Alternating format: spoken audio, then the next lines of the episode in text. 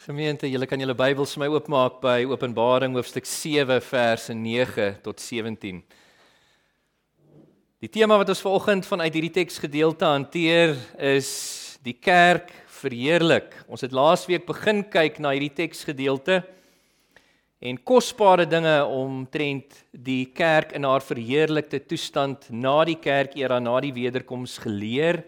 Ons gaan vanoggend spesifiek na die teks as geheel kyk, Openbaring 7 verse 9 tot 17. Soos ek laasweek vir julle uitgewys het, in antwoord op die vraag wat die ongelowige wêreldpopulasie gaan vra op daai laaste dag van die wederkoms. Daai dag wanneer hulle in die skere van die rotse gaan wegkruip en uitroep berge val op ons, bedek ons van die toren van hom wat op die troon sit en van die lam. Hulle gaan hierdie vraag vra volgens Openbaring 6 vers 17. Die dag van sy toren het aangebreek. Wie kan staande bly? En in antwoord op hierdie vraag het God dan vir Johannes twee visioene laat sien in Openbaring 7. In Openbaring 7 vers 1 tot 8 het ons gesien die kerk verseël. Dit is die kerk op aarde gedurende hierdie kerk era tussen Jesus se eerste koms en wederkoms besig om die groot opdrag van die Here Jesus Christus uit te voer. Uitgebeeld daar onder die Ou Testamentiese simbolisme van die 144000 uit die stamme van die kinders van Israel. En dan die tweede visioen wat dien as antwoord op daardie vraag van Openbaring 6 vers 17 is die visioen in ons teks, die van die kerk verheerlik. In Openbaring 7 vers 9 tot 17. Dit is die kerk in die nuwe hemel en nuwe aarde, na die kerkera, na die wederkoms, besig om volmaakte verkoeking te geniet in die onmiddellike teenwoordigheid van God, uitgebeeld hier as die skare wat baie groot was wat niemand kon tel nie wat gestaan het voor die troon van God en die lam. Dis 'n antwoord op die vraag van Openbaring 6 vers 17 wie kan staande bly? Antwoord God duidelik hierso. Sy kerk sal staande bly teen sy toren. Hoekom? Want hy het haar verseël in Christus Jesus deur die Heilige Gees as sy eiendom onder sy beskerming en hy sal haar deursien. Hy sal haar volhard in die geloof tot by haar verheerliking in die nuwe hemel en nuwe aarde. En gemeente, die Here wil vanoggend weer eens vir jou en my net soos laasweek bemoedig vanuit hierdie teks. Hy wil ons bemoedig deur nog 'n kykie na hierdie visioen van die verheerlikte kerk uitgebeeld as 'n skare in die onmiddellike teenwoordigheid van God sodat ons nie in ons daaglikse lewens mismoedig sal raak weens die vervolging en die verdrukking en die beproewing wat ons lot is in hierdie wêreld nie. Soos dit uitgebeeld was deur die seels van Openbaring 6 nie. Nee dat ons nie mismoedig sal word nie. Gemeente maar dat ons eerder versterk sal wees deur dit wat ons sien in die teks. Versterk deur die wete dat God ons verseël het deur sy gees in Christus as sy eiendom onder sy beskerming en dat hy ons sal deursien tot in die nuwe hemel en nuwe aarde in ons verheerlikte toestand in die volkomme genieting van sy teenwoordigheid. Gemeente met dit as inleiding, kom ek lees vir ons ons teks Openbaring 7 vanaf vers 9 tot 17 en dan sal ek bid vir die Here se hulp. Die woord van die Here sê vir ons: Hierna het ek gesien. Die apostel Johannes skryf hierdie onder die inspirasie van die Heilige Gees.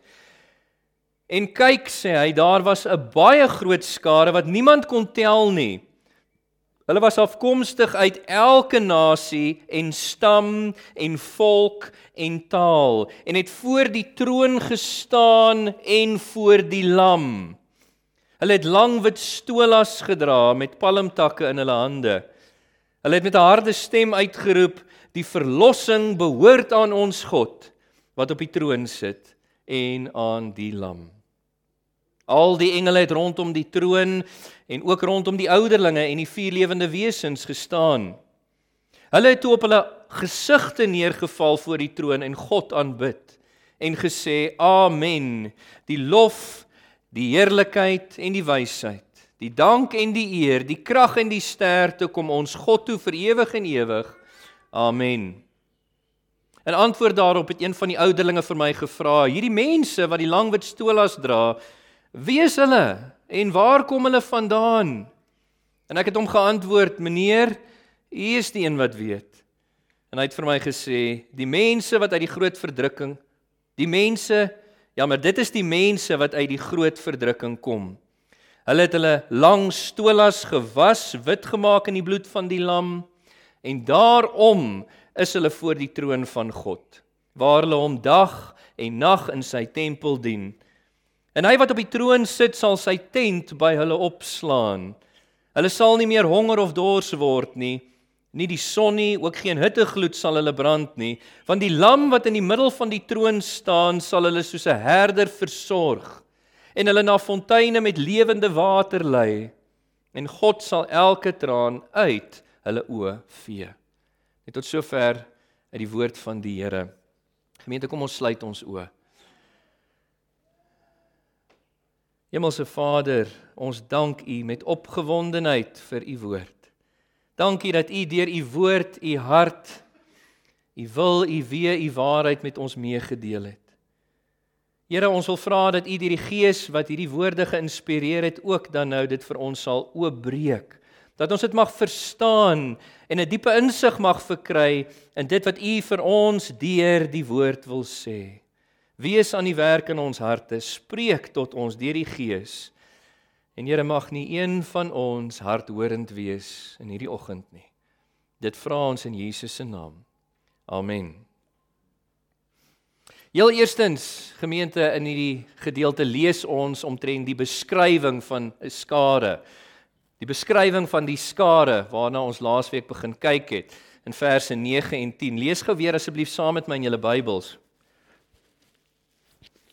Die apostel Johannes sê hierna het ek gesien en kyk daar was 'n baie groot skare wat niemand kon tel nie. Hulle was afkomstig uit elke nasie, stam, volk en taal en het voor die troon gestaan en voor die lam. Hulle het lang wit stolas gedra met palmtakke in hulle hande en hulle het met 'n harde stem uitgeroep: "Die verlossing behoort aan ons God wat op die troon sit en aan die Lam." Nou ons het reeds gekyk na die spesifieke wyse waarop die teks voor o daai vraag van Openbaring 6 vers 17 beantwoord, naamlik die ongelowige wêreldpopulasie het gevra wie kan staande bly en wat sien ons hier in vers 9? Die kerk verheerlik staan voor die troon en voor die lam pragtig uitgebeeld vir ons. Ons het reeds gesien vanuit vers 9 dat die verheerlikte kerk is 'n baie groot geloofsgemeenskap in die nuwe hemel en nuwe aarde wat niemand kan tel nie. En ons het ook gesien dat die kerk uh, verheerlikte kerk in haar uh, verheerlikte toestand in die nuwe hemel en aarde is ook 'n multikulturele geloofsgemeenskap afkomstig volgens die teks vanuit elke nasie, stam, volk en taal. En waar ek ver oggend met julle wil optel, gemeente, is dat die verheerlikte kerk gaan ook wees 'n verloste geloofsgemeenskap. Nie net groot nie, nie net multikultureel nie, maar 'n verloste mense. Hulle is die uitverkorenes van God. Wie se verlossing die Vader beplan het voor die grondlegging van die wêreld. Wie se verlossing die Here Jesus kom verdien het op aarde deur sy kruisweg, sy kruisdood op Golgotha, dit wat ons gevier het met die nagmaal. En uh wie se verlossing toegepas was deur God die Heilige Gees in hulle harte deur wedergeboorte binne tyd en geskiedenis. Dit is hulle. Die verheerlikte kerk se verlossing hier word uitgebeeld deur die feit dat hulle lang wit stolas dra in die teks. 'n Stola is 'n lang wit kleed gewees wat hier baie spesifiek simboliseer reiniging en regverdiging van sonde.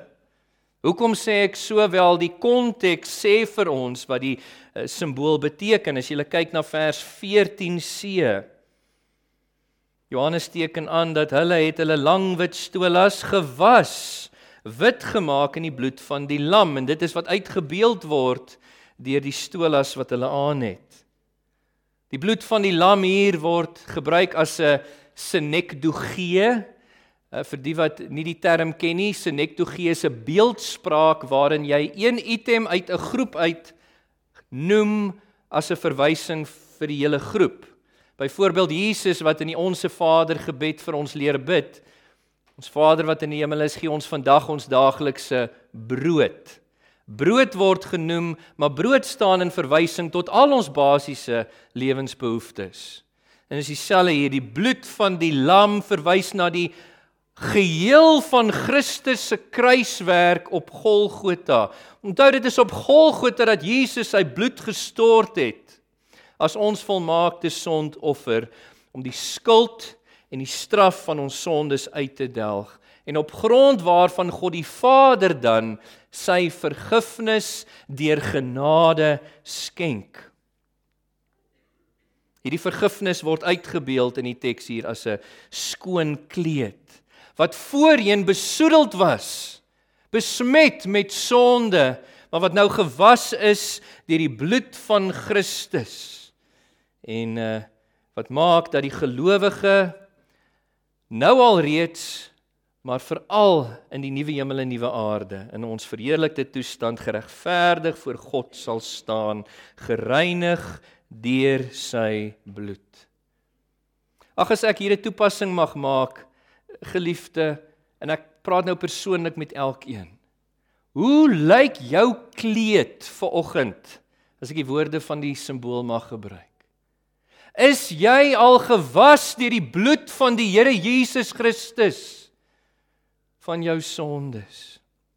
Ons het so 'n koortjie wat ons in die huis sing. My kinders is mal daaroor. Um, ons het dit gisteraand weer met huisgodsdiens gesing. Um, en hulle vra die hele tyd daarvoor. Was jy ooit by Jesus met jou sonde las? Is jy rein deur die bloed van die lam? Is jou klere vlekloos is al wit soos sneeu? Is jy rein deur die bloed van die lam? Geliefde, is jy rein deur die bloed van die lam? Het jy al gevlug weg van jou sonde af? Weg van die wêreld af na Jesus toe? Waarom wil jy 'n ewigheid tegemoet gaan van bewuste pyniging in die vure van die hel, want dit is wat aan die kom is oor die sonde van die wêreld? Vlug na Jesus toe. Kom na hom toe, draai na hom toe deur bekering van jou sondes om jou geloof in hom te plaas en hy beloof om ook jou kleed te was soos wat ons sien hier in die teks. Dit is so belangrik dat jy na Jesus toe draai. Hoekom Frans? Want dit is slegs diegene wat hulle klere laat was het deur die bloed van die lam wat deel sal wees van hierdie verheerlikte skare in die nuwe hemel en nuwe aarde. As jy nie na Jesus toe draai nie, sal jy nie deel wees van die kerk na die wederkoms nie. Hierdie skare se uh, verlossing word nie net uitgebeeld deur hierdie wit stolas wat hulle dra nie. Dit word ook uitgebeeld deur die palmtakke in hulle hande. Soos ons gesien het hier in vers 9. Dit herinner ons aan Johannes 12 vers 13. Jesus se triomfantelike intog in Jerusalem. Julle sal onthou eh, toe hy op die rug van 'n esel vul Jerusalem ingery het op pad om daai beloofde en lank verwagte verlossing vir die uitverkorenes te gaan bewerk. Het die groepie gelowige Jode wat om hom was, palmtakke geswaai. Né? Kyk, hulle was op pad na die Joodse hittefees toe. Maar hulle het palmtakke gehad en geswaai om toegejuig met die woorde van die Psalm. Geseënd is hy wat kom in die naam van die Here, Hosanna. En hier in ons teks sien ons dat die kerk verheerlik in die nuwe hemel en nuwe aarde weer eens palmtakke swaai. Hierdie keer in dankbaarheid en lofprysing aan God dat sy beloofde Christus gekom het om daai lank verwagte verlossing te bewerk. En soos wat hulle daai palmtakke swaai, roep hulle die woorde hier van vers 10 uit: Die verlossing behoort aan ons God wat op die troon sit en aan die Lam. Hier's vir ons 'n toepassing in die teks. Gemeente, hierdie stelling, die verlossing behoort aan God, beklemtoon vir ons God se soewereiniteit in redding. Inderdaad, die verlossing behoort aan die Here. Dit kom net van hom af. Niemand van ons kan enige iets vanuit onsself bewerk om onsself aanvaarbaar voor God te maak nie. Niks, soos ek vir julle gesê het met ons nagmaalviering sopas, niks van ons eie sogenaamde goedheid, goeie werke, godsdienstigheid kan ons aanvaarbaar maak voor die Here. Niks om sy verlossing te verdien nie. Dit kom vanuit sy soewereine hand uit. En kyk, dis wat die Bybel vir ons leer. Ons was in sonde gebore en ontvang dood in ons misdade en sonde sê Efesiërs 2 vers 1 tot 3. Kolossense 2 vers 13. Ons het nie inderwaarheid ons kon nie die Here uit ons eie soek nie. Ons was vyandig gesind teenoor hom gewees in ons sondigheid. En daarom moes God die eerste en elke ander tree daarna gee om na ons toe neer te buig in genade vir ons verlossing. Verlossing behoort aan die Here en kom van hom af. Jona 2 vers 9 sê dieselfde. Hy het ons verlossing beplan. Hy het voor die skepping van die wêreld besluit om vanuit die groter mensdom wat sou val in sonde vir hom 'n oorblyfsel te kies En hy het binne tyd in geskiedenis die Here Jesus Christus gestuur om hulle verlossing te kom verdien deur sy kruiswerk. Hy het ook die Heilige Gees gestuur om binne tyd in geskiedenis daai verlossing wat hy beplan het vir die uitverkorenes te kom toepas in hulle lewens. Die Heilige Gees het hulle getrek deur die aanhoor van die evangelie na God toe. Hy het daai vrugte van bekering en geloof in ons opgewerk toe hy ons wederbaar het geestelik, ons ontvanklik vir God gemaak het. En geliefdes, so kan ons sê, ja, die verlossing behoort aan die Here. Ons het niks bygedra nie. Uit genade is jy gered deur die geloof. Dis nie uit jouself nie is die genadegawe vanaf God sodat niemand kan roem in enige menslike verdienste nie. Tog, die Bybel is uiters gebalanseerd. En saam met die soewereiniteit van God beklemtoon ons teks ook die menslike verantwoordelikheid. Kyk bietjie saam met my na vers 14. Wat lees julle daar? Hulle het hulle lang stolas gewas en wit gemaak in die bloed van die lam. Ek en jy het 'n verantwoordelikheid geliefde om deel te hê aan hierdie soewereine verlossing van God. En dit is dat ons het nodig om deur bekering en geloof te draai weg van sonde in die wêreld af na Jesus toe. Sodat hy ons stolas kan was witter as sneeu witter as wol deur sy bloed Die verlossing behoort aan ons Here. Wat 'n besonderse uitbeelding is dit nie, né? Ag as ek eh, nog 'n toepassing hier mag maak.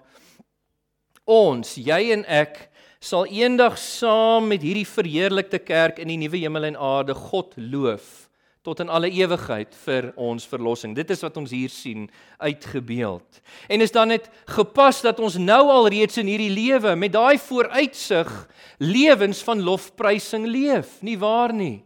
Veral as ons byeenkom soos hierdie waar ons die geleentheid het om as die gemeente van God sy lof te besing vir die verlossing wat ons vanuit sy hand ontvang het. En dit is ook gepas dat ons dit doen deur lofbetuiging aan die Here in ons persoonlike stilte tye. En wanneer ons dit doen hier en nou alreeds in vooruitsig vir daai dag wat uitgebeeld word in ons teks, sal dit vir ons 'n goeie oefenloopie wees, nie waar nie? 'n Goeie voorbereiding, 'n goeie opwarming vir dit wat ons in elk geval tot in alle ewigheid gaan doen in die hiernamaals. Geliefdes, ons het hier 'n kosbare beskrywing van hierdie kerk in haar verheerlikte vorm, maar dis nie al wat ons lees in die teks nie. Tweedens lees ons ook omtrent die effek van hierdie skare. Die effek van hierdie skare in verse 11 en 12. Ek wil julle moet saam met my weer kyk na julle Bybels. Dit sê daar al die engele het rondom die troon en ook rondom die ouderlinge en die vier lewende wesens gestaan. Hulle het op hulle gesigte neergeval voor die troon en God aanbid en gesê: "Amen, die lof, heerlikheid, wysheid, dank en eer, die krag en die sterkte kom ons God toe vir ewig en ewig. Amen." Nou in ons teks hier sien Johannes dat hierdie engele staan nog steeds waar hulle vroeër in hierdie visioen gestaan het. As jy terugblaai na hoofstuk 5 vers 11 toe, daar het hy ook vir ons gesê hy het die sang gehoor van baie engele rondom die troon rondom die lewende wesens en die ouderlinge. Hulle staan steeds daar.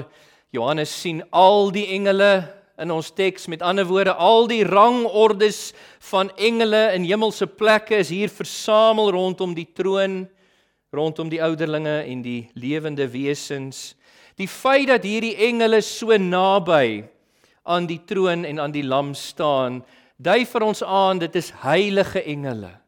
Dis nie gevalle engele daai derde van die hemelse engele skare wat saam met Satan in die begin in opstand gekom het en saam met Satan verdoem was uit die hemele nie. Ons het hier te doen met heilige engele wat hierdie lofprysing bied aan die Here. Nou hierso is ietsie interessant. Die woord van die Here leer vir ons dat die engele konstant besig is om die uitwerking van God se verlossingsplan deur die geskiedenis dop te hou. Kyk gou in julle Bybels na Efesiërs 3 vers 10 saam met my. Paulus maak hier 'n interessante stelling. Hy sê in Efesiërs 3 vers 10 gevolglik kan die ryklik geskakeerde wysheid van God nou deur die kerk aan die owerhede, die magte in die hemel bekend gemaak word. Julle hoor, ander woorde die engele het hierdie geskiedenis van die wêreld gesien hoe God besig is om sy verlossingsplan vir sy uitverkorenes uit te werk. En in die teks sien hulle nou wat die uiteinde van daai verlossingsplan, sy verlossingswerking deur die geskiedenis van hierdie wêreld was, naamlik die kerk verheerlik in die nuwe hemel en nuwe aarde, voor die troon van God en die Lam, sonder enige iets dergliks, sonder vlek of rimpel. En hulle kan nie anders as om op hulle aangesig neer te val wanneer hulle aanskou die ryklik geskakeerde wysheid van God se verlossingswerk nie. Dit is amper soos Paulus, né, in Romeine hoofstuk 11 vanaf vers 33 wanneer hy dink oor God se verlossingswerk, sy plan, hoe dit uitgewerk het aan die einde van sy bespreking oor God se plan met Israel in Romeine 11 vanaf vers 33 dan hy, hy bars net uit in lofprysing aan die Here. Jy hoef nie so toe te blaai nie, maar Paulus sê daar o die diepte van die rykdom en wysheid en die kennis van God wanneer hy oordink die eindeinde van God se verlossingswerke in Christus. Hoe ondeurgrondelik is sy oordeele. Hoe onnaspeurlik is sy weë. En dis wat ons sien die engele ook hier in die teks doen. Wanneer hulle die uiteinde van God se verlossingswerk sien in die kerk verheerlik. Nou hierdie lofprysing van die engele is ook noemenswaardig. Ek wil hê julle moet oplet hierso. Dit is 'n sewevoudige lofprysing. Nou dit is noemenswaardig dat ek dit uitwys want onthou soos ek vir julle alreeds gesê het, in die genre of literatuurvorm waarin Openbaring aan ons gegee is, wat 'n apokaliptiese profesie is, wat waarhede kommunikeer deur simboliese beelde, het ook die getalle simboliese konnektasie. Nou ons weet die getal 7, soos ons nou al ons studie gedoen het deur die boek, is die getal vir volkomendheid, die vol eh, die getal van volmaaktheid. En dit sê vir ons iets van die lofprysing van hierdie engele. Hulle loof die Here, die lof, die heerlikheid, die wysheid, die dank, die eer, die krag, die sterkte kom God toe vir ewig en ewig. Dit beteken hulle hulle aanbidding tot die Here hierso is volkome Uh, dis heel hartig, dit is opreg en dit sê ook vir ons iets van die waardigheid van die een wat hierdie volkomme aanbidding ontvang, nê, wat waardig is van volmaakte aanbidding. Bidding. En as ek weer 'n toepassing kan maak net hierso, ek wil die punt benadruk, net soos die verheerlikte kerk, is die engele hier in die teks vir ons 'n gepaste aanmoediging tot lofprysing in die hier en nou. Lofprysing wat soos hulle sin heelhartig is, wat opreg is voor die Here. Want geliefdes, ons God is verseker waardig om die lof van ons harte te ontvang vir die verlossing wat hy aan ons in Christus Jesus gebied het. Dan derdens, ons lees nie net omtrent die beskrywing van hierdie skare nie, die effek wat hierdie skare het in die aanbidding van die engele nie, ons lees ook derdens omtrent die identiteit van hierdie skare in verse 13 en 14. Die identiteit van hierdie skare. Lees geweer saam met my in julle Bybels. Die apostel Johannes sê in antwoord daarop het een van die ouderlinge vir my gevra let op die ouderlinge. Hierdie mense wat die lang wit stolas dra wie is hulle? Waar kom hulle vandaan? En Johannes sê ek het hom geantwoord meneer u is die een wat weet. En hy het vir my gesê dit is die mense wat uit die groot verdrukking kom. Hulle het hulle lang stolas gewas en wit gemaak in die bloed van die lam Nou God beskik dit hier dat een van die ouderlinge hierdie vraag uh, vra aan Johannes. Ons het vroeër gesien in Openbaring 4 vers 4 wie is die ouderlinge? Dit is die kerk verheerlik in hemelse plekke. In ander woorde, een kom na Johannes toe in hierdie visioen wat 'n mede-erfgenaam is saam met hom van God se reddende genade. Een met wie Johannes kan identifiseer met ander woorde. En hy vra dan hierdie vraag van vers 13, nie omdat hy onkundig is en inligting wil inwin vanaf Johannes nie. Dis 'n strategiese vraag in hierdie visioen. Hy wil Johannes en jy kan jouself indink hoekom hy dit doen. Ek meen Johannes is seker oorweldig met dit wat hy sien op Patmos in hierdie visioen.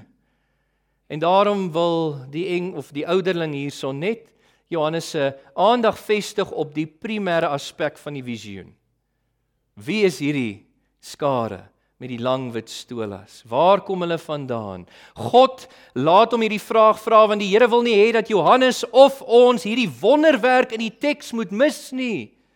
Dat hy wat 'n heilige God is, volmaak in heiligheid, 'n helverdiende, rebelse, vyandige sinde, sondige mense kan red en voor sy troon kan laat staan in heerlikheid. Is dit nie besonders nie? Daar kan geen groter wonderwerk wees as dit wat ons sien hier in die teks nie. God se redding van 'n helverdiende sondaar om hom 'n heilige te maak nie. Die ouderling maak dan die identiteit van hierdie skare bekend aan Johannes in hierdie teks.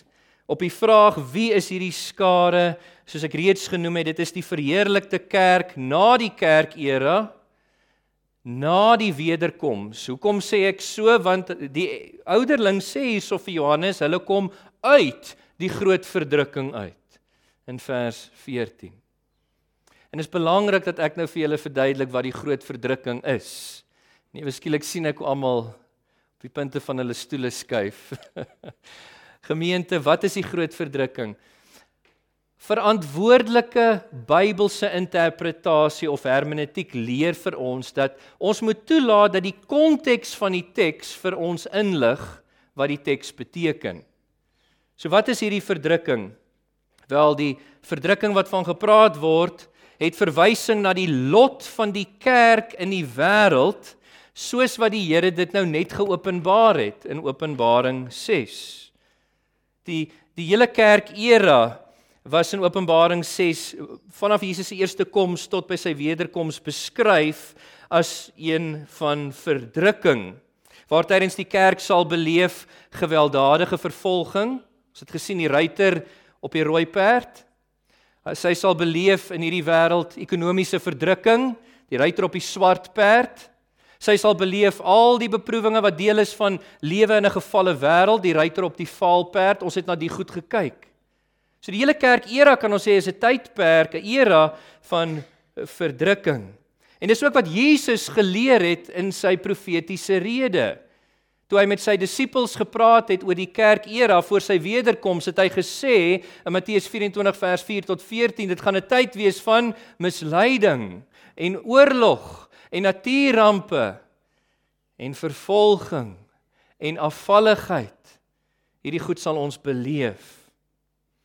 Tog die breër konteks van hierdie stelling in Openbaring, spesifiek Openbaring 20 Onthou ons het reeds na Openbaring 20 gekyk in die verlede en soos wat ons nou deur Openbaring werk sal ons weer daar uitkom. Maar in Openbaring 20 vers 7 tot 10 het ons gesien dat daar kom 'n tyd aan die einde van hierdie kerkera kort voor Jesus se wederkoms waar tydens Satan los gelaat gaan word van sy huidige binding waarmee Jesus hom aan die kruis gebind het.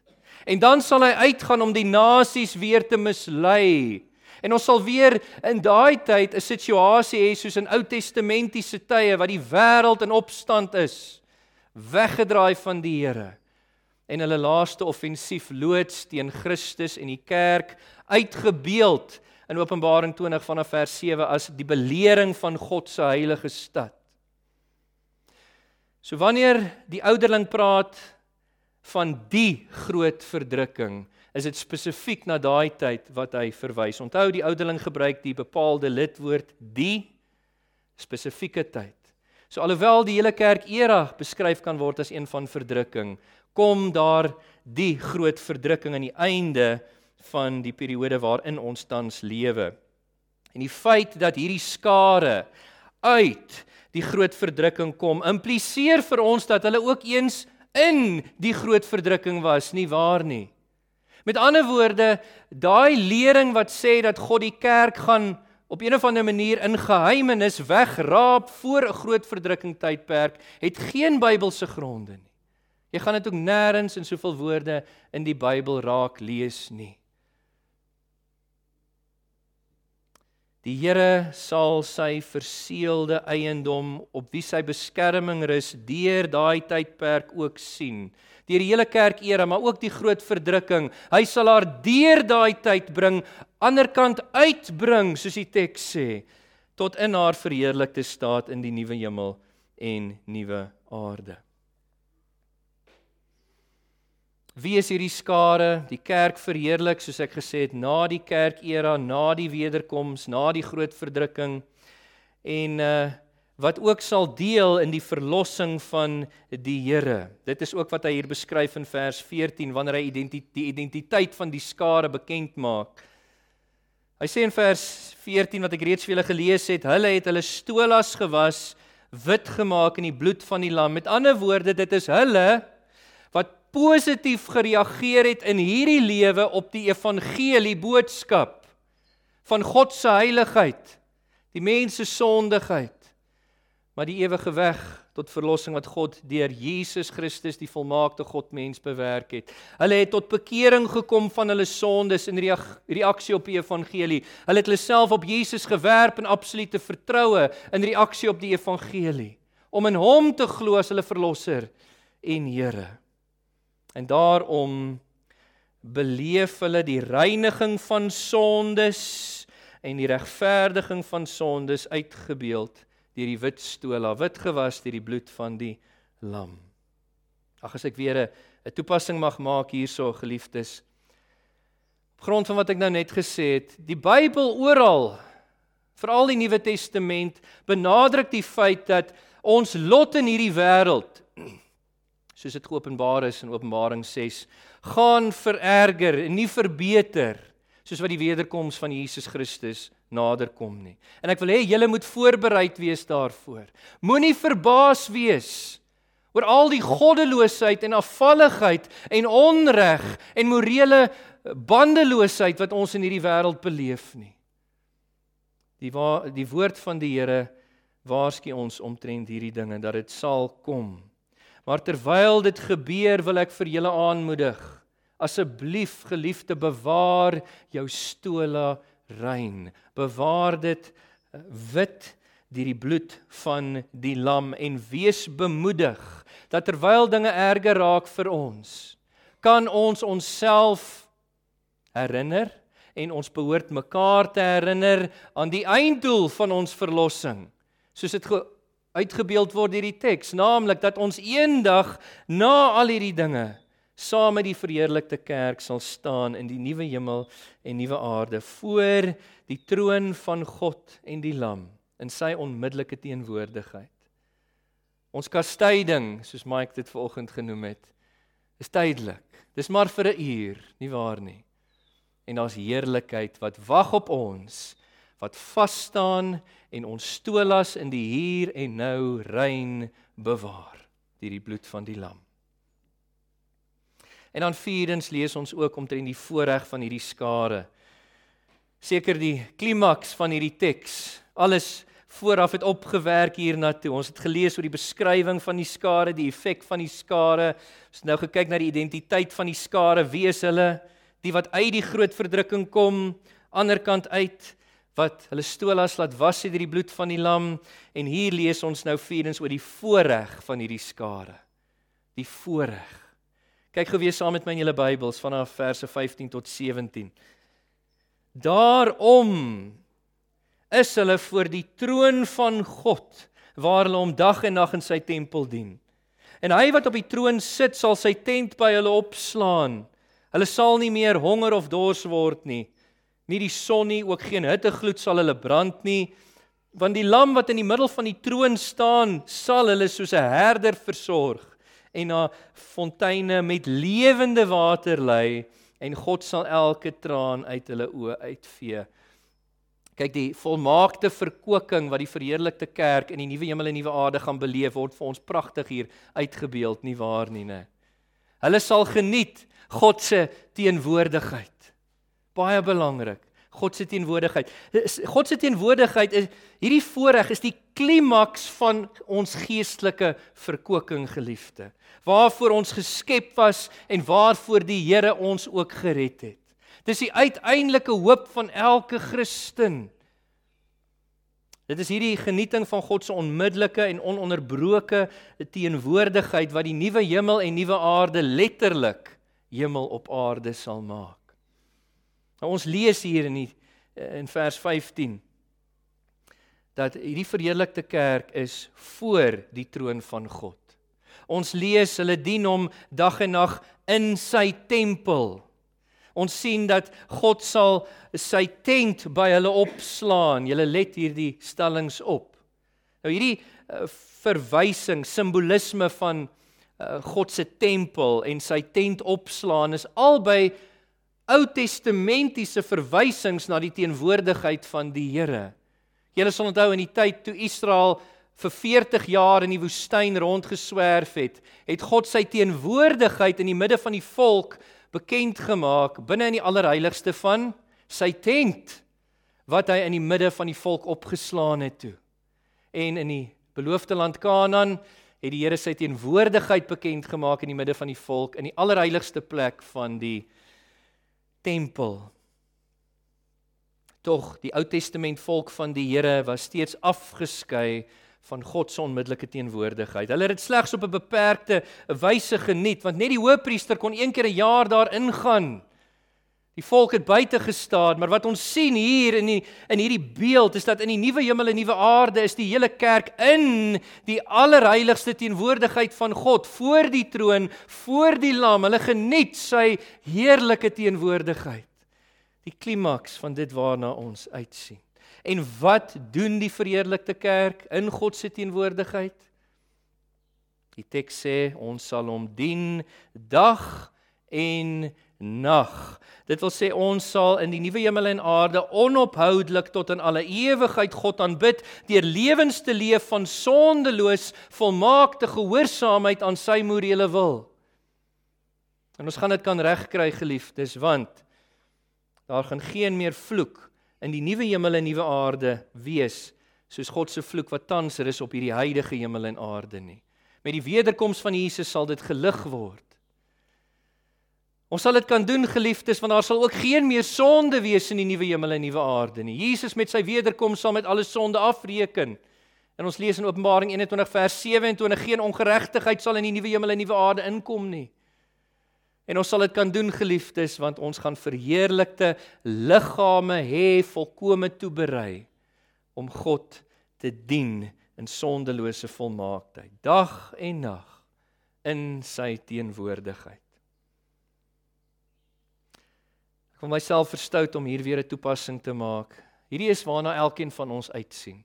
En geliefde terwyl ons wag op daai wonderlike hoop om eendag in die teenwoordigheid van God volkome te wees, dit volkome te geniet, kan ons nou al reeds in die hier en nou, soos Godsmanne en Godsvroue uh, uit die verlede in God se teenwoordigheid leef.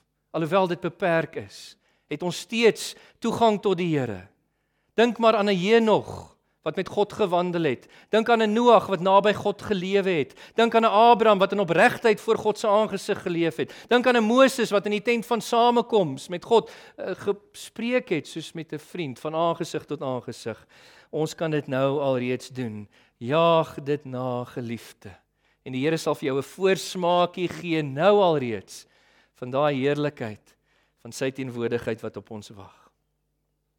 Nie net sal die verheerlikte kerk God se teenwoordigheid geniet nie, maar ook sy versorging.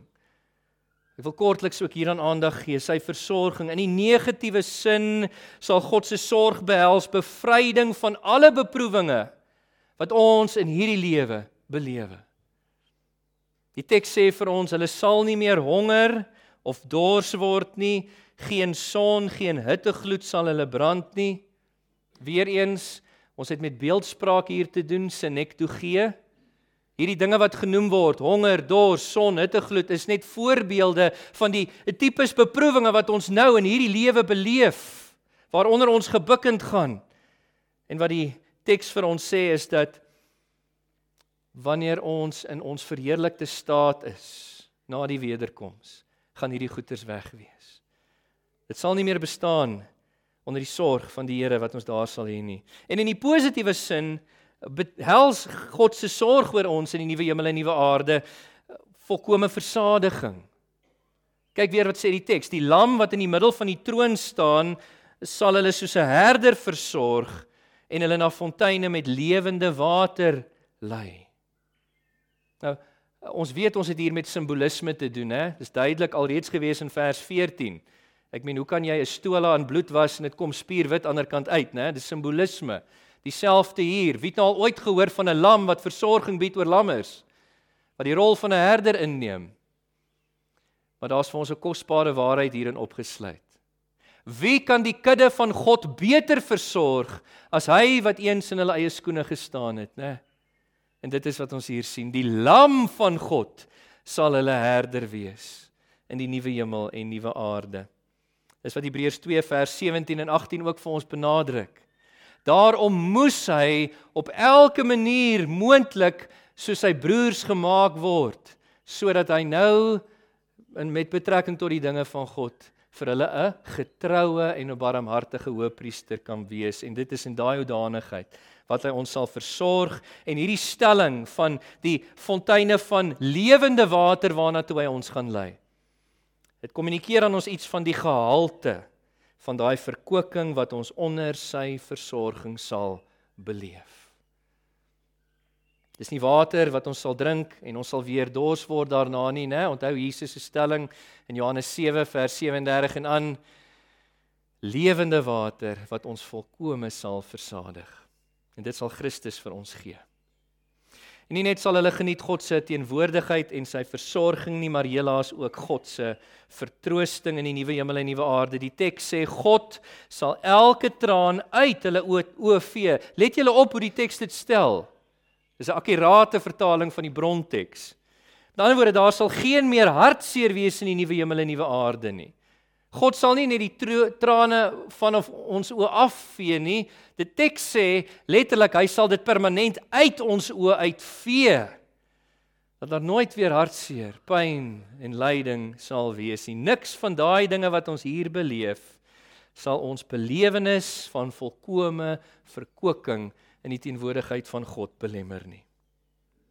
Geliefdes om hierdie boodskap mee af te sluit, wil ek julle saam met my blaai na Openbaring 21 toe.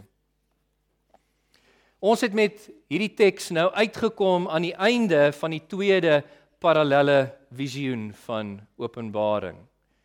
Die kerk in haar verheerlikte staat. En dit word weer eens benadruk vir ons in die sewe parallelle visioen.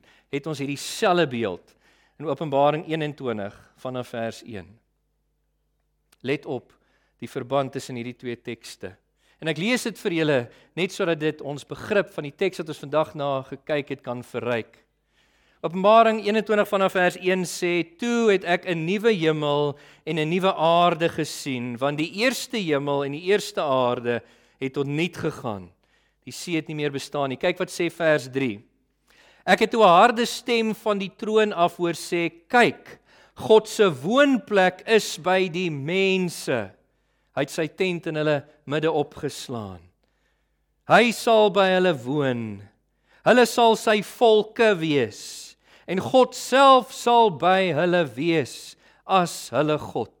Hy sal elke traan uit hulle oë afdroog en die dood sal nie meer daar wees nie. Ook nie rou of gehuil of pyn sal meer bestaan nie want die eerste dinge het verbygegaan.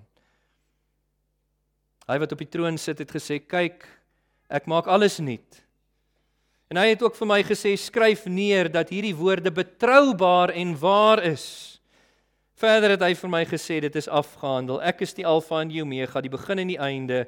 Die wat dors is, sal ek laat drink uit die fontein van lewegewende water verniet. Wie oorwin, sal hierdie dinge beerf." En ek sal sy God wees, ek sal haar God wees en of hy of sy sal my seun of dogter wees. Amen. Kom ons sluit die oë. Hemelse Vader, ons dank U weer eens vir hierdie woord wat na ons toe gekom het. Ag Here, hoe bemoedigend. Ja, Here, ons is mismoedig weens die lot wat ons in hierdie wêreld beleef, soos U dit bekend gemaak het in Openbaring 6 aan ons. Ons beleef vervolging en verdrukking en beproewing van allerlei soorte in hierdie wêreld. Maar dankie dat ons hierdie versekering het dat U ons nie net verseël het deur U Gees in Christus as U eiendom onder U beskerming nie, maar dat U ons sal deurbring om saam met die eh, verheerlikte skare in die hemel en nuwe aarde voor U troon en voor die van die lam te staan. O Here, ons sien so uit na daai dag.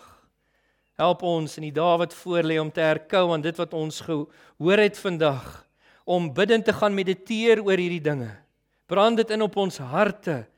Mag ons werklik versterk wees, Here, om Here die stryd in hierdie lewe aan te sê en die wedloop goed af te eindig in die naam van ons Here Jesus Christus. Amen.